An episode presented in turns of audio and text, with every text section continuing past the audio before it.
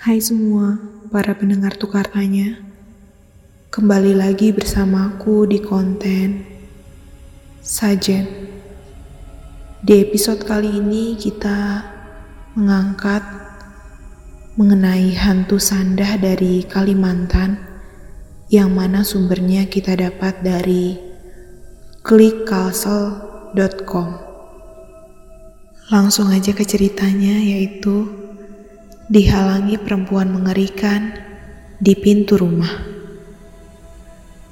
Pengalaman bertemu dengan makhluk tak kasat mata atau bisa disebut hantu tentu tidak diinginkan banyak orang. Tapi kalau sudah begitu, bisa jadi tubuh akan gemetaran karena diselimuti rasa takut. Terpana, tak bergerak, hingga pingsan bisa terjadi. Nah, ada pengalaman dari seseorang, sebut saja Anang. Saat ingin masuk rumah, namun dihalangi makhluk yang sangat mengerikan pada awal tahun 2012 silam. Cerita itu bermula saat istri Anang mengandung bayi berusia dua bulan.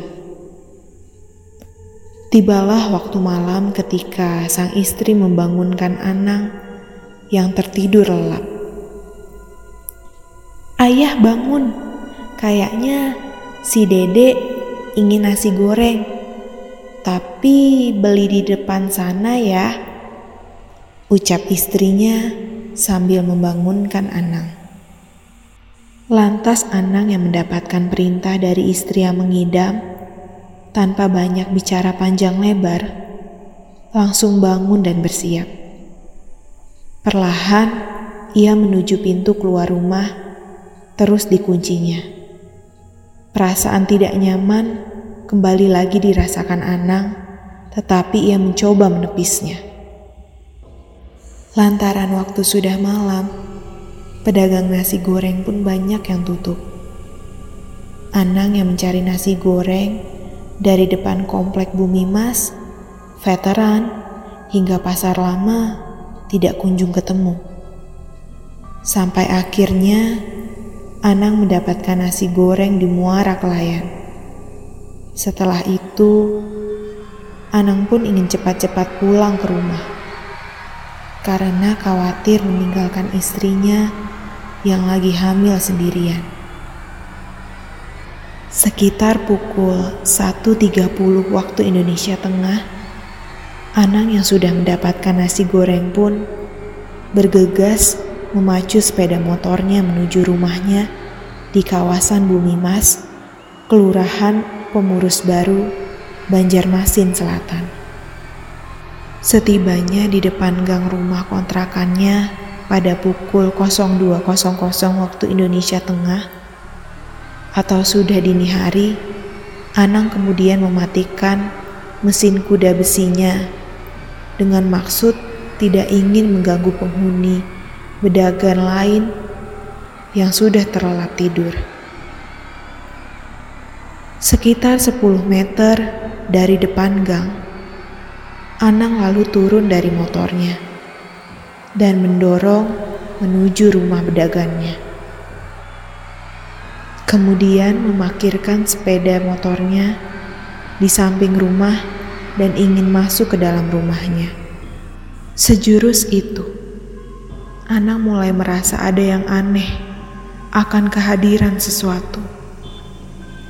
Di tengah malam, suasana malam hening saat itu. Bulu kuduk Anang tiba-tiba merinding. Sesekali ia menoleh ke belakang. Namun Anang tidak melihat ada orang yang dirasakan kehadirannya. Namun, sesampainya di depan rumah, Anang kaget setengah mati.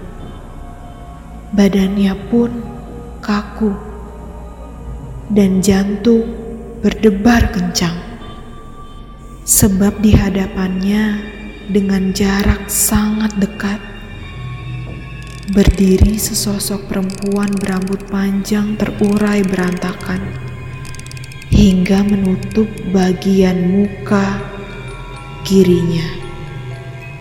Pori-pori wajahnya juga terlihat jelas. Perempuan berbaju putih kucel dan lecek hingga menyentuh lantai tersebut hanya menunduk dan diam di pintu rumah Anang. Tentu saja, Anang tidak bisa membuka pintu rumahnya karena terhalang perempuan dengan bibir lebar dan kotor. Anang yang sudah bertahan sekitar tiga menit di hadapan makhluk seperti hantu sandah itu mencoba tetap membuka pintu untuk masuk rumah. Namun dalam hatinya Anang, yang teringat adalah anak serta si jabang bayi yang ada di dalam rumah. Lalu dengan sedikit keberanian, ia tetap nekat masuk ke rumah untuk memastikan istrinya. Dengan perlahan, Anang melangkahkan kaki menuju pintu rumahnya. Sesekali ia juga menengok sosok perempuan dengan muka hitam legam dan bola mata yang sangat hitam. Sisi matanya keabu-abuan dan menatap ke bawah. Permisi, saya ingin lewat dan masuk rumah saya. Jangan di depan pintu. Saya tidak akan mengganggu Anda dan Anda jangan mengganggu saya. Ucap Anang sambil memasukkan anak kunci ke lubang kunci untuk membuka rumahnya.